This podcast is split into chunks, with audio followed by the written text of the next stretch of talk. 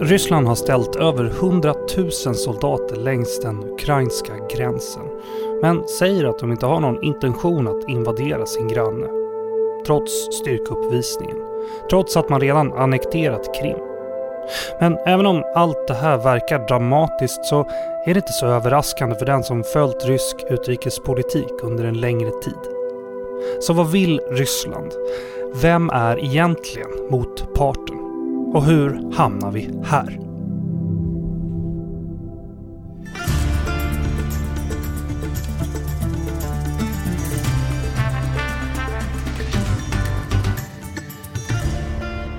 Du lyssnar på Utrikespolitiska institutets podd Utblick. Jag heter Jonas Lövenberg. I det här avsnittet ska vi försöka ge en bakgrund till Rysslands utrikespolitik, vilket förhoppningsvis ska ge en större förståelse för det som just nu pågår i och runt Ukraina. Men även för andra händelser där jätten i öst är inblandad. Så för att hjälpa mig reda ut det här har jag med mig Martin Krag, biträdande chef för Centrum för Östeuropastudier som är kopplat till UI. Välkommen tillbaka till Utblick Martin. Tack så mycket. Jag har även med mig Carolina Wendil Palin, forskningsledare på Totalförsvarets forskningsinstitut. Välkommen till Utblick. Tack så hemskt mycket. Ni har ju jättemycket att göra så jag, i de här tiderna så jag är jätteglad att ni har hittat tid för Utblick. Jag tänkte att först be er om en, en ögonblicksbild av den situationen Ryssland är inblandad i just nu. Kortfattat, vad är det som pågår vid gränsen till Ukraina när vi sitter här och ska spela in? Martin? Ja, vad som har hänt är att sedan ungefär ett år tillbaka så har Ryssland eh, byggt upp en militär närvaro, en mycket förstärkt militär närvaro längs ut med den rysk-ukrainska gränsen, inte precis vid gränsen men nära. Och eh, i december, närmare bestämt 15 december, så eh, skickade ryska utrikesdepartementet ett brev till sin amerikanska motpart där man listade ett antal ultimatum. Och detta har ju då lett till en enorm diplomatisk och politisk aktivitet som pågår än ännu eh, och det har varit arbetsgrupper mellan ryska och amerikanska sidan. Eh, Macron, Frankrikes president, var i Moskva under dagen som gick och eh, det här pågår fortfarande på olika nivåer. Förra veckan fick exempelvis alla EU-regeringar ett brev från Rysslands utrikesminister som i princip upprepade de här kraven att, att NATO ska backa tillbaka till sina gränser man hade före utvidgningen på 90-talet och eh, det var väl det viktigaste egentligen. Men också det andra att, att man vill kunna bekräfta ett ryskt veto på eh, nya medlemmar i försvarsalliansen NATO i framtiden. Och det här är ju framförallt någonting man har sikte på, på Ukraina och andra forna möjliga Sovjetstater som Georgien eller något annat land som kan ligga där i krokarna. Har du någonting att tillägga här Karolina? Nej men det är, det är en bra beskrivning av vad det är som pågår. Eh, jag tror också att Ryssland eh, ville gärna ha en eh, stor roll i, eh, i mm. världspolitiken. Man tycker om när man uppmärksammas och det har man ju fått de senaste veckorna. Onekligen. Ja. Ja, eh, jag ska också säga att i det här avsnittet du som lyssnar lyssnar på just nu så ska vi titta på bakgrunden som jag sa då till vad Martin och Carolina precis har beskrivit här. Men vi kommer också djupdyka i det aktuella läget eh, med en lite längre analys som vi kommer att publicera som ett utblick extra tillsammans med det här avsnittet och det finns där. Ni hittar utblick där poddar finns och så vidare. Så det här är något av ett dubbelavsnitt. Men med det sagt, för att förstå vad som händer nu så ska vi ta en titt i historieböckerna också. vad var det för Ryssland som var kvar efter Sovjetunionens fall egentligen? Vad, vad hade Ryssland för plats i världspolitiken då? Carolina? Ja, men Sovjetunionen upplöstes ju inte över en natt. Nej. Utan man kan säga att det skedde eh, stegvis under en, en längre period. Eh, men en viktig händelse då det är ju det som man kallar augustikuppen i augusti 1991. Eh, och det, då är det till exempel försvarsministern och chefen för eh, KGB och så vidare. De sluter sig samman och eh, genomför en kupp Eh, men de demokratiska krafterna i Ryssland de lyckas bekämpa den här kuppen. Så att man kan säga att där någonstans så, så ser man en, en seger för demokratin i Ryssland. Men det är också egentligen början till slutet på de försök som man eh, fortfarande eh, då företog för att rädda Sovjetunionen som en, en union. Och sen under hösten där så kan man säga att då accelererar den här, de centrifugala krafterna inom eh, Sovjetunionen. Och ett viktigt datum då det är den 1 december 1991 för då röstar Ukraina för självständighet. Mm. Och därmed så är ju Sovjetunionen ihåligt kan man säga. Och bara några dagar senare så träffas Ukrainas, Rysslands och Belarus, eller Vitryssland som man sa då, deras presidenter i något som heter Belaveja. Och så undertecknar de ett avtal där de upplöser Sovjetunionen. Och i praktiken är ju Sovjetunionen då upplöst. Men det, det är Ryssland som då kommer ur det här. Det är ju ett Ryssland som är lite vilset vad gäller sin nationella identitet. När man inte längre är det här när man inte längre är Sovjetunionen, när man inte längre är ryska imperiet. Vad är det då att vara ryss? Och det är också ett Ryssland som famlar vad gäller vad, vad som är det ryska nationella intresset. Vilka nationella intressen ska Ryssland försvara i utrikespolitiken? Eh, om man jämför då åren efter Sovjets kollaps och nu, hur skiljer sig Rysslands utrikespolitik? Martin? Jag skulle vilja hävda att det finns en, en viss kontinuitet mm. och stabilitet i den ryska utrikespolitiken. Det som skiljer sig eh, idag från hur det var för 30 eller 25 år sedan är att eh, Ryssland idag är ekonomiskt, militärt och politiskt mycket starkare än vad Ryssland var på 90-talet. Men den dåvarande presidenten Boris Jeltsin redan innan det att Sovjetunionen formellt hade upplösts men det däremot stod klart att, att liksom i framtiden kommer det finnas ändå någonting som är, liknar mer eller mindre självständiga stater som Ryssland, Ukraina och så vidare. Redan då eh, så väckte han frågan om eh, vilka gränser som skulle gälla när, om Sovjetunionen upplöstes. Eh, vad händer med Krimhalvön i Svarta havet? Vad händer med ryska minoritetsgrupper som kan vara ganska betydande i storlek i olika republiker som Estland eller Lettland eller Kazakstan? Um, vad hände med det ryska språkets ställning där? Vad hände med ryska militärer? Det var, rörde sig om hundratusentals soldater med familjer. Och det var inte bara inom ramarna för Sovjetunionen, det var ju också i Östtyskland. I hela Warszawapakten mer eller mindre. Uh, och där redan 89-90 så uppstod det ju också nya problem för det var ju uppenbart att de här nya ledarna som då ofta var demokrater men som i alla fall ville ha liksom självständighet, de ville ju som regel orientera sig mot väst med det menade de medlemskap eller i alla fall integration i dåvarande EG som är nu EU och, och NATO. De, de, de, här organisationerna blev liksom symboler för att liksom vända sig mot väst. Och, och, och, det här ledde ju redan då, där och då till, till liksom problem, eh, mm. både liksom i Sovjetunionen, i Ryssland med slitningar internt, eh, men, men också mellan Moskva eh, och Washington eller Moskva och Västeuropa. Så att konfliktytorna har egentligen funnits där hela tiden. Men man har, man har försökt hantera dem genom diplomati, man glömde bort dem under vissa perioder kanske, de tonades ner. Men, men Putin, har, vad han har gjort nu sista åren är ju valt att aktivera de här strömningarna, men de har ju funnits där hela tiden som ganska stabila uppfattningar i det ryska politiska systemet. Okej, okay, men kan man eh, säga då att det har förändrats till något mer offensivt då? Och kan man, när börjar det hända? Kan, finns det några exempel? Ja, men det, det som händer under 90-talet är ju att ganska snart så, så får olika nationalistiska krafter eh, luft under vingarna kan man säga. Och i Dumavalet 1995 till exempel, då hade Vladimir Zjirinovskij från det liberaldemokratiska partiet som hade en väldigt nationalistisk agenda. De hade stora framgångar.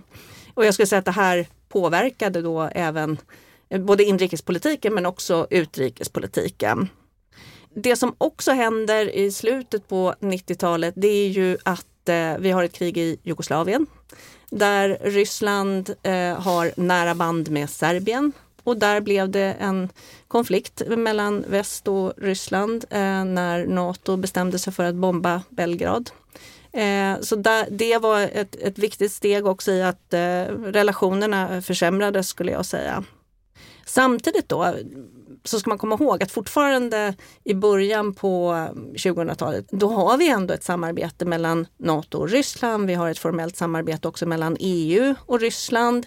Eh, och så sent som 2004-2005 så har vi eh, eh, olika program eh, och vägkartor som, där man ska samarbeta på olika områden väldigt strukturerat. Så att, så att det fanns också väldigt mycket positivt fortfarande på den tiden. Eh, någonstans när vi har orangea revolutionen i Ukraina 2004-2005 skulle jag säga är en, eh, ett viktigt eh, datum. Tidigare hade man redan haft rosrevolutionen i Georgien, det här man kallar färgrevolutioner då. Också ett viktigt datum, eller ett viktigt årtal, det är 2007 när Putin håller ett tal på en säkerhetskonferens i München. Och vad han säger då är att man vill inte längre se USA som dominerande. Man vill att ryska intressen ska respekteras och lyssnas till. Så det här skulle jag säga är en viktig startpunkt för en ny rysk utrikespolitik. Det börjar bli mer uttalat alltså? Det mm. Ja, det är precis som Karo säger. Det var liksom ett antal händelser från det att Sovjetunionen kollapsade egentligen fram till där vi står här och nu. Som är liksom ett antal kilar som hela tiden har slagits in i relationerna mellan Ryssland och väst. Men det är också så att det är ganska, har också hela tiden från början varit mer månglagrat så tillvida att perspektiven i länder som Estland, Lettland eller Polen har också delvis skilt sig från perspektiven i, i övriga Västeuropa eller USA. Um, för 20 år sedan så det stora säkerhetsfrågan man diskuterade i, i, i vår del av världen, det var ju hotet från terrorism. Mm. Och möjligtvis också cyberhotet. Men Eh, forna Warszawapaktstater eller liksom forna Sovjetrepubliker som liksom eh, hade en erfarenhet av självständighet som Estland och Lettland och så vidare. För dem var det ju alltid Ryssland som var den stora säkerhetsutmaningen. Och fasci, eh, liksom nästan, ja, fascistiska ledare är kanske ett starkt ord, men väldigt ultranationalistiska ledare som Zjirinovskij på 90-talet. Han uttalade sig hotfullt eh, och han var liksom en av landets mest populära politiker. Utmanare till Jeltsin. Eh, Tjetjenienkrigen 94 och sen 99 igen påminde ju ändå, inte minst befolkningarna i Östeuropa om att Ryssland har en beredvillighet och en möjlighet att använda militär makt vid olika situationer. Så att den oron har liksom sett annorlunda ut där än här. Så det är också viktigt att komma ihåg att perspektiven har skilt sig åt. Just det, men vi ska, jag ska också fråga då, Putin blev president första gången år 2000, eller hur? Ja. jag, har, jag har blivit rättad i min research här, med, med all rätt. Um, men, och han är ju fortfarande en uh, man som har makten. Och vad, vad, spelar personen Putin för roll för Rysslands utrikespolitik och utveckling? Martin? Han spelar en stor roll. Uh, under så lång tid så har han givetvis hunnit sätta sin prägel på landet men, men omvärldsutvecklingen har ju såklart också säkert påverkat honom på olika sätt. Men när han kom till makten så publicerade han ett antal artiklar som var hans liksom, ska jag säga, linjetal eller någonting i den stilen. Eh, han har inte offentligt liksom, debatterat och kandiderat på det sättet som andra politiker ju vanligtvis gör, men, men, men han har i alla fall gett uttryck för sina uppfattningar tidigt och där ser man en kontinuitet. Han vill bygga en stark rysk stat. Han vill ha ett Ryssland som får erkännande internationellt. Och inom ramarna för det här bredare perspektivet eh, så, så har han varit ganska konsistent. Eh, 2003 så höll han ett anförande på ryska generalstaben, tror jag, eller försvarsmaktens högkvarter där han liksom slog fast att nu är den här ökenvandringen slut. Uh, nu är det liksom slut på nedskärningar. Nu ska vi liksom börja restaurera militärens auktoritet och, och, och liksom ställning igen. Och, och löner för officerare började höjas. Man började investera i modernisering och nya vapensystem och så vidare. Och allt det här liksom har ju liksom pågått under en relativt lång tid. Och sen när olika konflikter har uppstått som Georgien 2008 eller Ukraina 2014, olika situationer som man har uppfatt, uppfattat som hotfulla eller destabiliserande i Moskva. Då har, vi, då har man ju nu sett en, en, situation där Ryssland också varit villig att agera militärt bortom sina gränser på ett annat sätt som på 90-talet kanske ingen förväntade sig. Men, men eller få i alla fall, eh, gjorde det. Eh, så det, på det sättet är, har han ju också tagit Ryssland i en ny riktning. Han har ju på sätt och vis korsat Rubikon på ett mm. annat sätt som hans företrädare Jeltsin aldrig gjorde.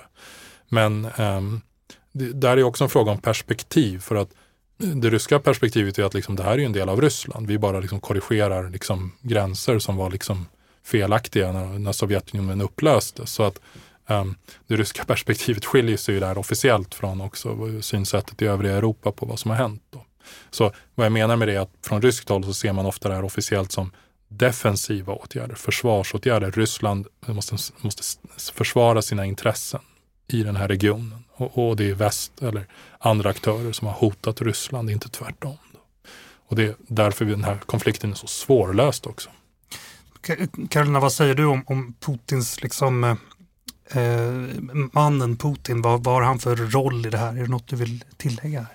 Nej men det stämmer ju det som Martin säger och det är också viktigt tycker jag som Martin har gjort att man, man trycker på hur, hur väldigt långsiktig den här politiken är. Ibland så får man höra att, att Ryssland, de är, eller Putin är bara taktiker och mm. de, de har ingen strategiskt mål. I själva verket så är de väldigt strategiska. Eh, och flera av de eh, åsikter som vi nu hör basuneras ut, de har basunerats ut länge men jag skulle säga att åtminstone fram till, till konferensen där i München 2007 så lyssnade väst överhuvudtaget inte. Så att just att man tänker på de här långa linjerna är viktigt. Det fanns redan i slutet på 1990-talet det här. Eh, men sen då vad Putin spelar för roll, jag menar han har kommit att bli han har kommit att och personifiera själva det politiska systemet.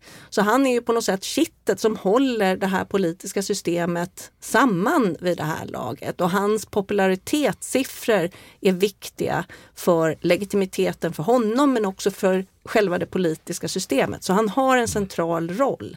Därmed inte sagt att han styr allting, för så är det inte. Men han har en central roll och en väldigt symbolisk roll i det här politiska systemet skulle jag säga. Karolina, när vi, när vi pratade om det här innan, innan, alltså inför inspelningen här så sa du att Ryssland är ett, auktoritär, eh, Ryssland är ett auktoritärt system och eh, som sådant ständigt besatt av successionsfrågan. Alla auktoritära system eh, de plågas ju av det här med vem ska efterträda ledaren. Eh, och under, eh, I Sovjetunionen då hade man ju ett kommunistiskt parti. Då har man lite mer av etablerade processer för hur det här ska gå till. Det är fortfarande inte smärtfritt men, eh, men det är ofta lite lättare i, i eh, enpartisystem då. Men däremot auktoritära system som är väldigt upphängda kring en person. Där blir varje tillfälle när det är möjligt att, att, att det ska ske ett skifte på posten det blir också en kris för det politiska systemet. I ett demokratiskt system så har man ett val och så kommer någon ny till makten. Men det innebär inte att man ändrar det politiska systemet. Men i ett auktoritärt politiskt system så står så väldigt mycket mer på spel. Och det är typiskt att i Ryssland så har vi ständigt det som kallas, just nu så kallas det då 2024 problemet, för det är nästa presidentval. Och så fort man har haft presidentval så, så börjar man prata om ett nytt datum. Så att man befinner sig ständigt i den här rotationen så att säga. Vem, vad ska vi göra till nästa val? Eh, och även om man nu då har genomfört konstitutionsförändringar som innebär att Putin skulle kunna sitta kvar två mandatperioder till, så undrar ändå alla 2024, ska han försöka att kliva av eller ska han inte och vad händer då? Och mm. hela politiska systemet är uppbyggt kring detta nästan. Det, det, det är en väldigt central poäng eh, för att förstå liksom den ryska så att säga, dynamiken i det politiska systemet som Ryssland har. Förlåt, det var så jag menade. Och, eh, ja, det var om man tittar också runt omkring Rysslands grannländer, det här rapporteras ju inte så mycket, men titta i eh, Moldavien, eh, Eh, Georgien, Kirgizistan, nu Uzbekistan, eh, eh, Kazakstan senast, eh, men också dessförinnan i Uzbekistan med flera andra länder.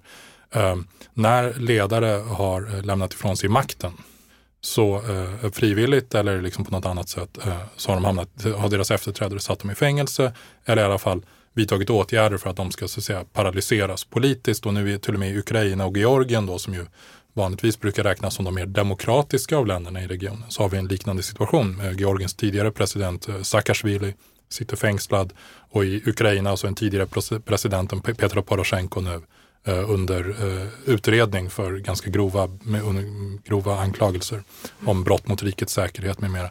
Så att liksom Putin sitter där och liksom det här, det här liksom, han tittar ut genom Kremlstorn, om man nu liksom rent bara sådär abstrakt gör det, liksom tittar sina grannländer så är det det här han ser. Det finns liksom ingen trygghet för, för liksom ledare som har lämnat ifrån sig makten.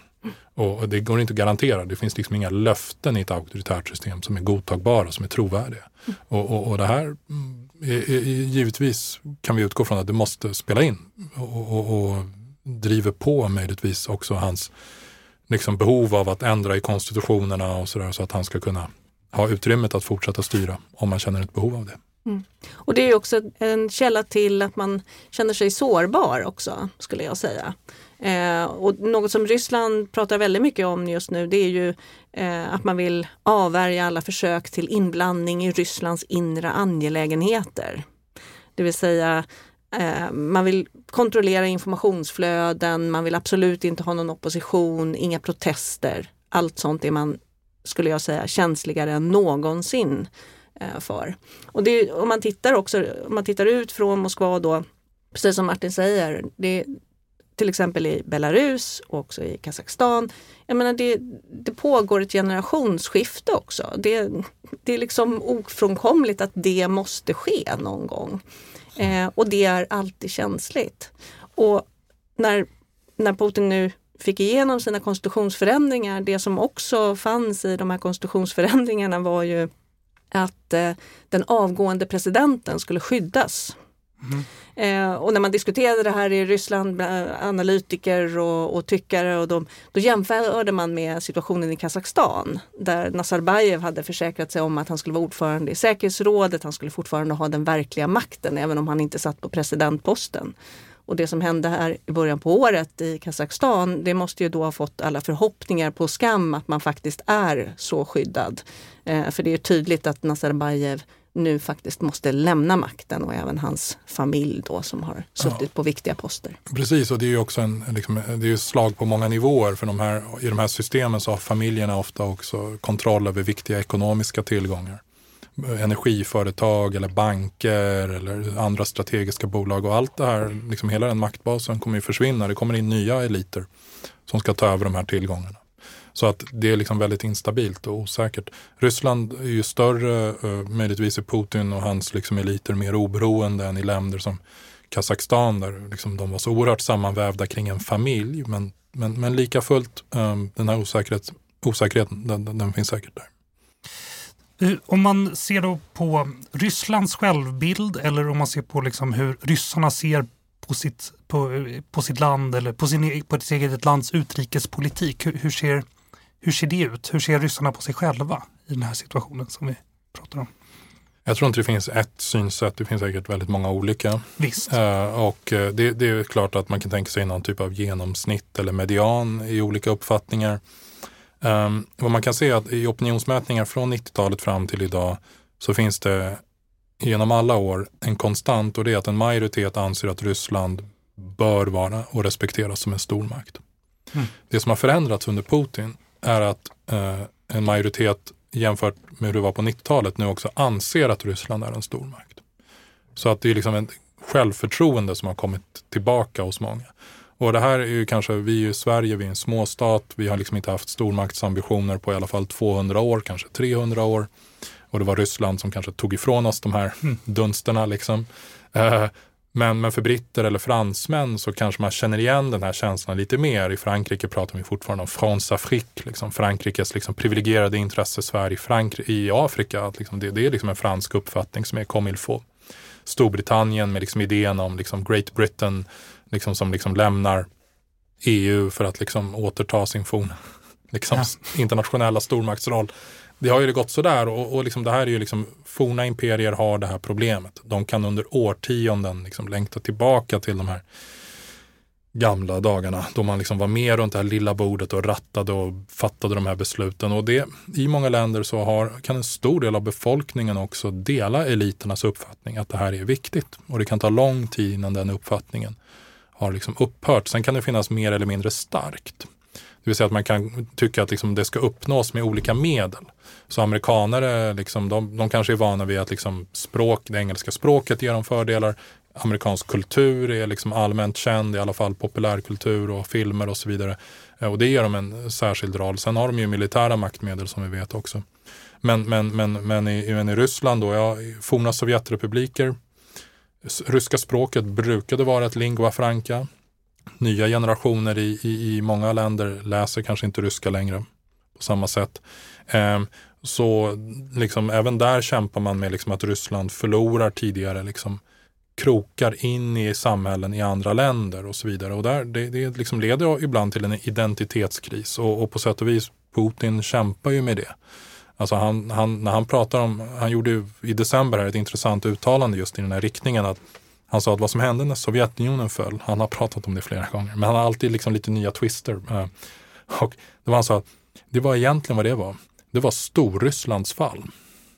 Vad det var, liksom, det var liksom att det Ryssland som har växt fram sedan tusentalet, sedan medeltiden och hela tiden växt i styrka, i territoriellt omfång, bara kollapsade. Så för honom, liksom, så Sovjetunionens kollaps, det är inte att han saknar kommunismen och Lenin, utan det är att, liksom, att det är stora Ryssland. Att liksom Ryssland. Och den där uppfattningen, den, den är mer utbredd än vi kanske vill tro och den har varit mer seglivad än många hade trott. Ja, om man tittar på opinionen så, så är det ju så att de mm. flesta eh, ryssar, en, en klar majoritet, är väldigt nöjd med Rysslands utrikespolitik. Och om man tittar på vilka institutioner som ryssar är stolta över och har förtroende för så kommer väpnade styrkorna högst. Mm. Eh, högre än presidenten till och med. Så man, man är stolt över att man är stark. Eh, och också när man tittar på olika politikområden, vad är den ryska befolkningen mest nöjd med? Ja, men man är missnöjd med den ekonomiska politiken, man är missnöjd med hälsopolitik och, och utbildning. Men man är nöjd med utrikespolitiken och man är nöjd med Putin därför att han har, man står inte längre på knä som man säger, utan han har återfört Ryssland till den här stolta positionen då. Eh, det som håller på att hända är ju ändå att efter att eh, den ryska befolkningen väldigt länge har fått huvuddelen av sin information från rikstäckande tv-kanaler så är det nu en allt större andel av det ryska folket som får sin, eh, sina nyheter från internet och från sociala medier till exempel. Och det här håller också på att leda till att man faktiskt ser skillnader mellan till exempel en, en yngre generation eh, som ofta har andra åsikter då jämfört med resten av opinionen. Eh, så det här är också någonting tror jag som spär på osäkerheten och det finns ju också en rysk politik för just patriotisk fostran och inte minst då för ungdomen som man tycker är särskilt sårbar för eh, influ ja, skadliga influenser från väst. Nu har vi tittat lite på eh, bakgrunden här. Så nu undrar jag då, vad, vad har Ryssland för, för mål med sin utrikespolitik? Vi har ju redan varit inne på det, men om vi kan ta det eh, ett varv till då. Martin?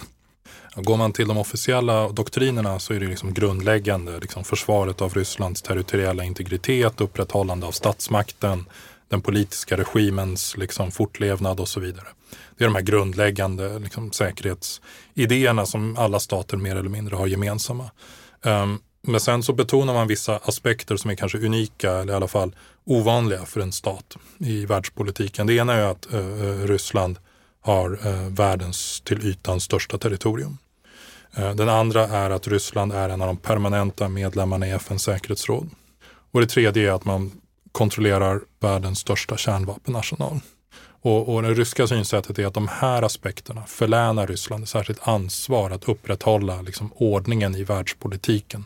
Det gör att Ryssland bär liksom ett, liksom ett ok eller i alla fall eller en krona beroende på hur man ser det att liksom fatta regler och, och liksom vara med just kring det här bordet som jag var inne på. Och, och, och liksom Putin, han, hans idealbild av världen det är ju liksom Jalta 45, då satt tre världsledare, liksom Churchill, Roosevelt och Stalin och, och liksom drog upp de nya linjerna. Han vill ju tillbaka dit, han, han vill i alla fall att Ryssland ska vara med runt det där bordet och han är väldigt oroad för en situation där Ryssland inte är det. Det verkar hålla honom väldigt vaken på nätterna i alla fall ibland. Eh, så liksom tillsammans med Kina, USA, kanske Indien, inte så mycket EU, de verkar liksom mer och mer avskriva EU som en relevant aktör. Men, men liksom, Ryssland vill vara med i det där bordet och där finns en handfull länder. Det, så att det, det är väl grunderna i hur man ser officiellt på den ryska rollen i världen. Är det någon särskild, eh, vi har pratat lite om det redan också, men jag ska ändå fråga, är det någon särskild liksom, maktstruktur då i världen som man vill ändra på också? Nej, alltså ja och nej. um, ett privilegium för en riktig stormakt det är att kunna vara med att, och skriva reglerna och sen bryta mot dem utan att det händer någonting. Ah, okay. Mm. Det var det man upptäckte 2003 när USA gick in i Irak. För då var det här med suveränitet och territoriell integritet och FNs säkerhetsråd plötsligt inte så viktigt längre. Men det hände ju inte heller. Det var inget land som straffade USA heller för det. Liksom. Och, och, liksom det, och det, det, det, är ju också en källa till avund. Om du är en stormakt så tittar du liksom kring, va, vänta nu, vad gjorde den här killen här borta just? Um, och, det, och jag tror inte att Ryssland vill dit, utan tvärtom. Ryssland säger att man vill liksom försvara eh, eh, den internationella ordningen och den internationella rätten. Men givetvis så har ju vi sett ett antal situationer i Georgien 2008, i Ukraina 2014, där Ryssland också har visat en förmåga att väldigt elastiskt omtolka internationella lagar när det gynnar deras syften. Så att det är ju liksom lite den operativa definitionen av en stormakt. Att du kan liksom skapa regler men också bryta mot dem vid behov. Om, om man tittar på hur, hur Ryssland beskriver eh, världsordningen så att säga. Så de ser det som att världsordningen är i förändring. Eh, från att ha dominerats av USA så ser man nu det man kallar för en, en, en världsordning med många olika poler. Som man ser, en multipolär världsordning håller på att formas och Ryssland ska vara en av dessa poler. Det är egentligen säga samma sak som Martin mm. fast med andra ord. Men det som också är, är viktigt då för Ryssland och det är där man gör gemensam sak med Kina, det är att man vill bekämpa västdominans och framförallt USAs dominans i världspolitiken. Eh, man är också missnöjd med den europeiska säkerhetsordningen. Man tycker inte att den ger utrymme för Rysslands säkerhetsbehov. Och det här ligger ju liksom till grunden för varför man utmanar väst också i Ukraina. Eh, så det tycker jag är, är viktigt att ha sagt. Mm. Eh, och, och, Ryssland, de ser den här brytningstiden som vi nog är inne i som ett tillfälle när man måste se till att hålla sig framme och, mm. och ta sin position. Så man ser det som att det finns både risker i den här brytningstiden men det finns också möjligheter. En, en annan sak då som apropå vad vi pratade om nyss, då, den, den här kanske mer off, offensiva hållningen utåt då. Är det hur mycket inrikespolitik i Ryssland och hur mycket är utrikespolitik egentligen, Karolina? Ja, men utrikes och inrikespolitik de går ju alltid hand i hand. Det, det gäller för alla länder egentligen.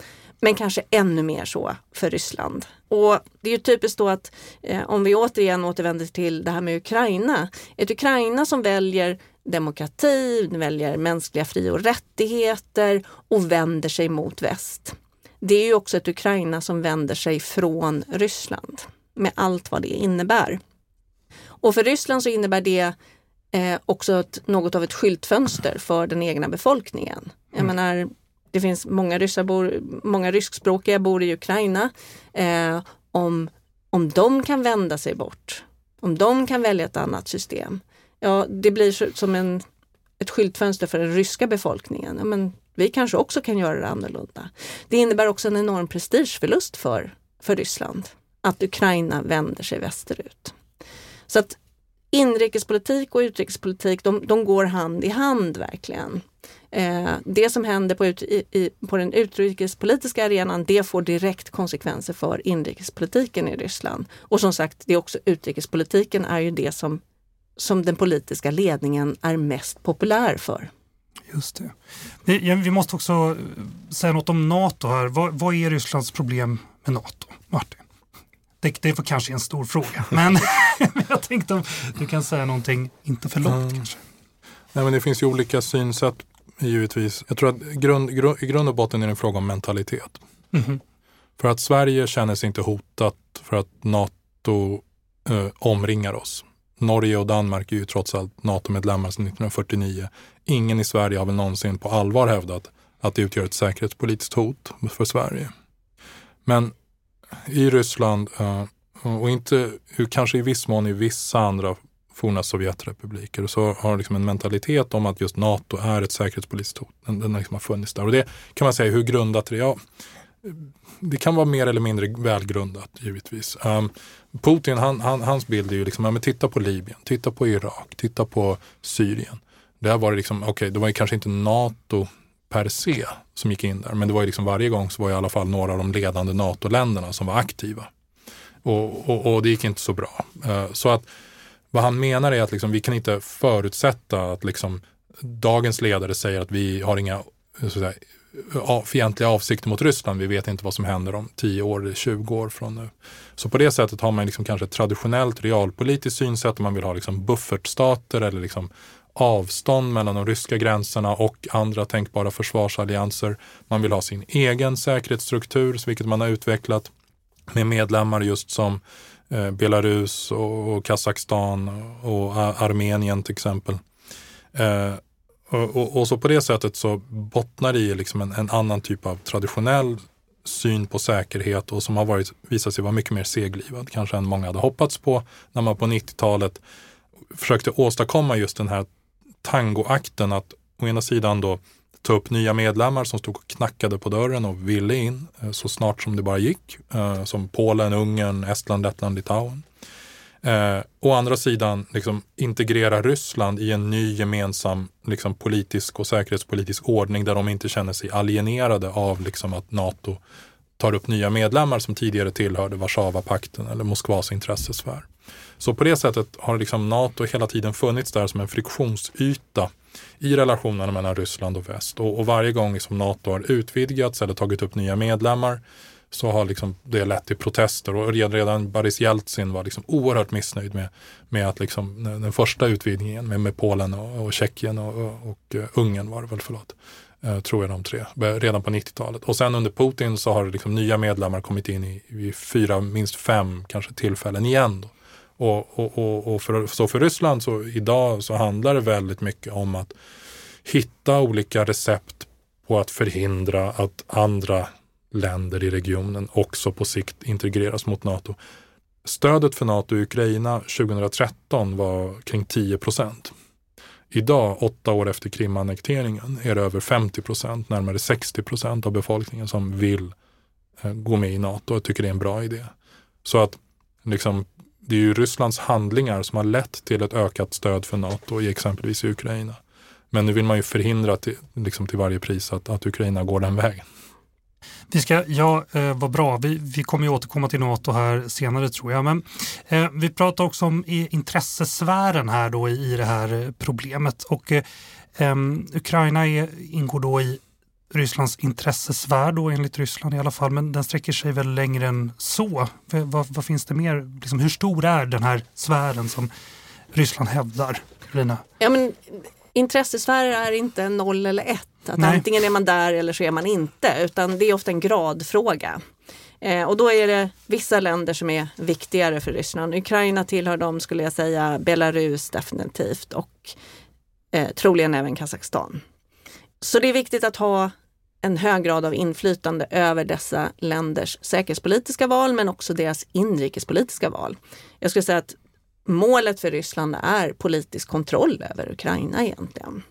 Om man då lite grann tar ett steg tillbaka hur mm. Ryssland tänker kring de här frågorna.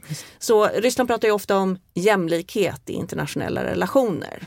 Och det som man menar då det är ju inte att Ryssland är jämlikt med Sverige eller gud förbjude Estland.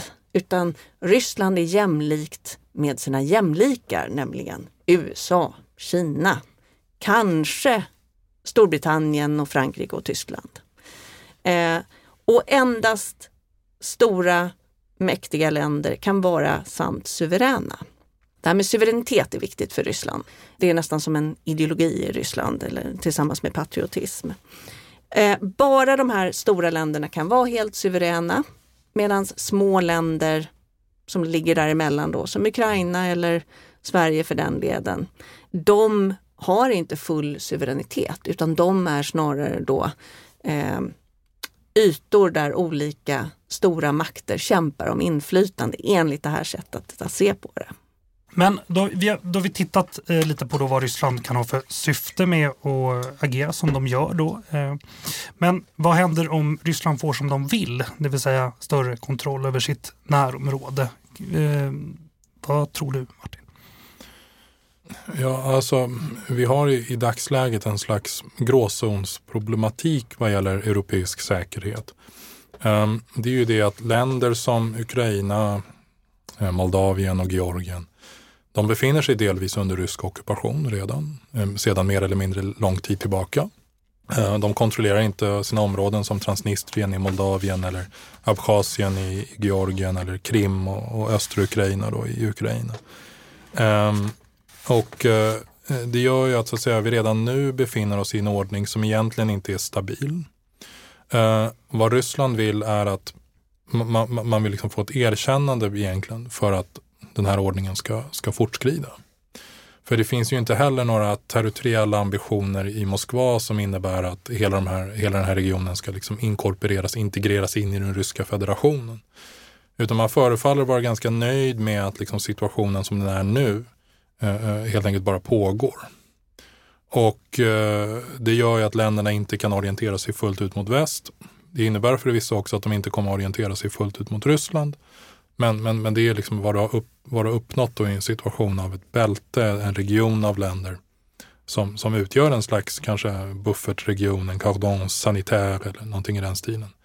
Um, och uh, vad är slutmålet med det på sikt? Ja, jag tror att man, man, har, man är både strategisk i Ryssland men, men ostrategisk. För att med Krimannekteringen så, så liksom alienerade Putin en stor del av den ukrainska befolkningen. Så på sikt rör sig Ukraina bort från Ryssland i termer av kultur, ekonomi och politik.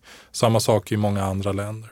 Nu, en del av de här länderna kan liksom gå fram och tillbaka och, och de har sina egna inhemska problem. Det har vi sett exempelvis i Georgien senaste uh, tiden.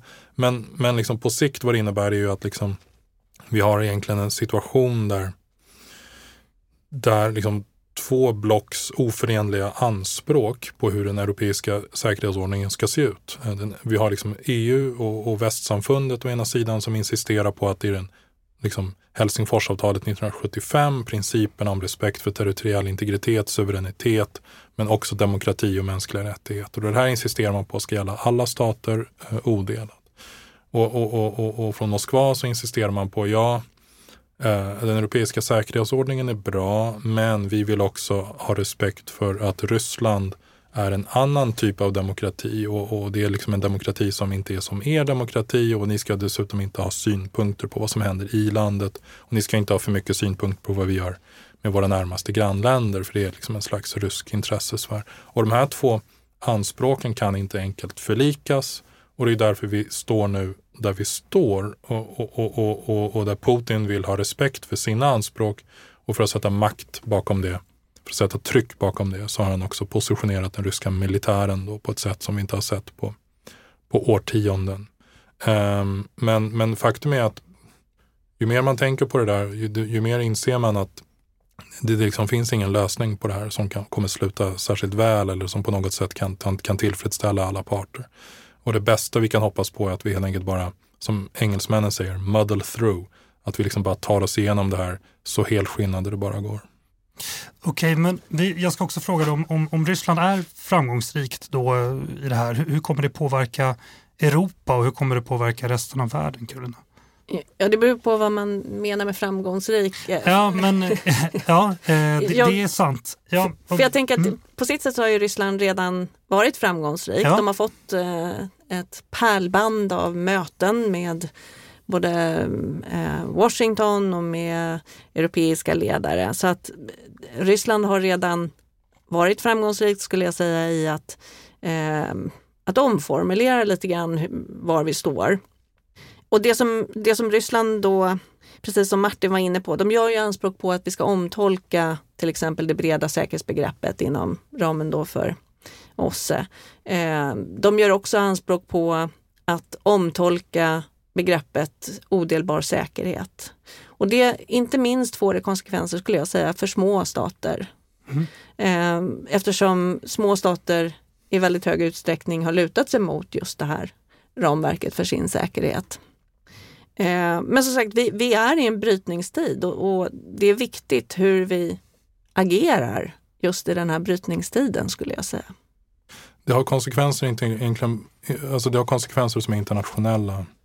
Och, och, och, vi pratar mycket om Ukraina och det är ett akut hot mot Ukraina, det stämmer ju.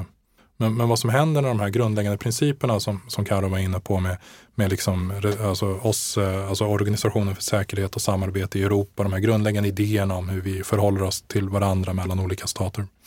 Men vad vi ser nu till exempel i en rad olika områden så, så kollapsar ju existerande avtal som handlar om just vapenkontroll, nedrustning, eh, kärnvapenkontroll. Eh, och tvärtom så ser vi att stater utvecklar nya vapensystem, stater rustar upp sina kärnvapenarsenaler. Andra stater som inte har kärnvapen börjar överväga sina kärnvapenoptioner. Eh, Polen, till och med Tyskland har pratat om det öppet. Till och med i Frankrike, Storbritannien pratar man om att liksom bygga upp sin förmåga.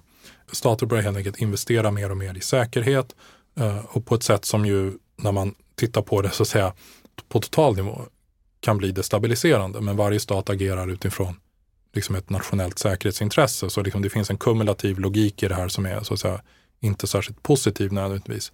Och det, det är ju det som är problemet, att liksom om en stormakt börjar destabilisera så får det också ringa på vattnet som leder i förlängningen till, till liksom sådana här situationer. Och jag menar, Nordkorea drog ju liksom en slutsats av Krimannekteringen och det var att liksom Ukraina gjorde ett stort misstag på 90-talet när de frivilligt gav ifrån sig sina kärnvapen de hade ärvt från Sovjetunionen.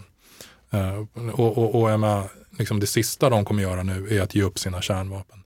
Och, och Iran och liknande. Så att det, allt, det här de, det, liksom, det får ringa på vattnet och det är det som är så oroande också med, med den här utvecklingen. Förutom den akuta situationen i regionen så, så har vi också en internationell situation som blir, som blir sämre. Om man ska försöka att, eh, se positivt på det ändå.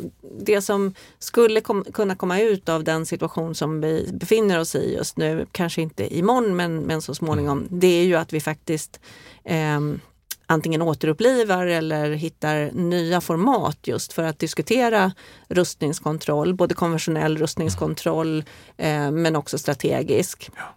Eh, och då är det framförallt Washington naturligtvis när det gäller strategisk rustningskontroll. Men också andra områden som till exempel cybersäkerhet.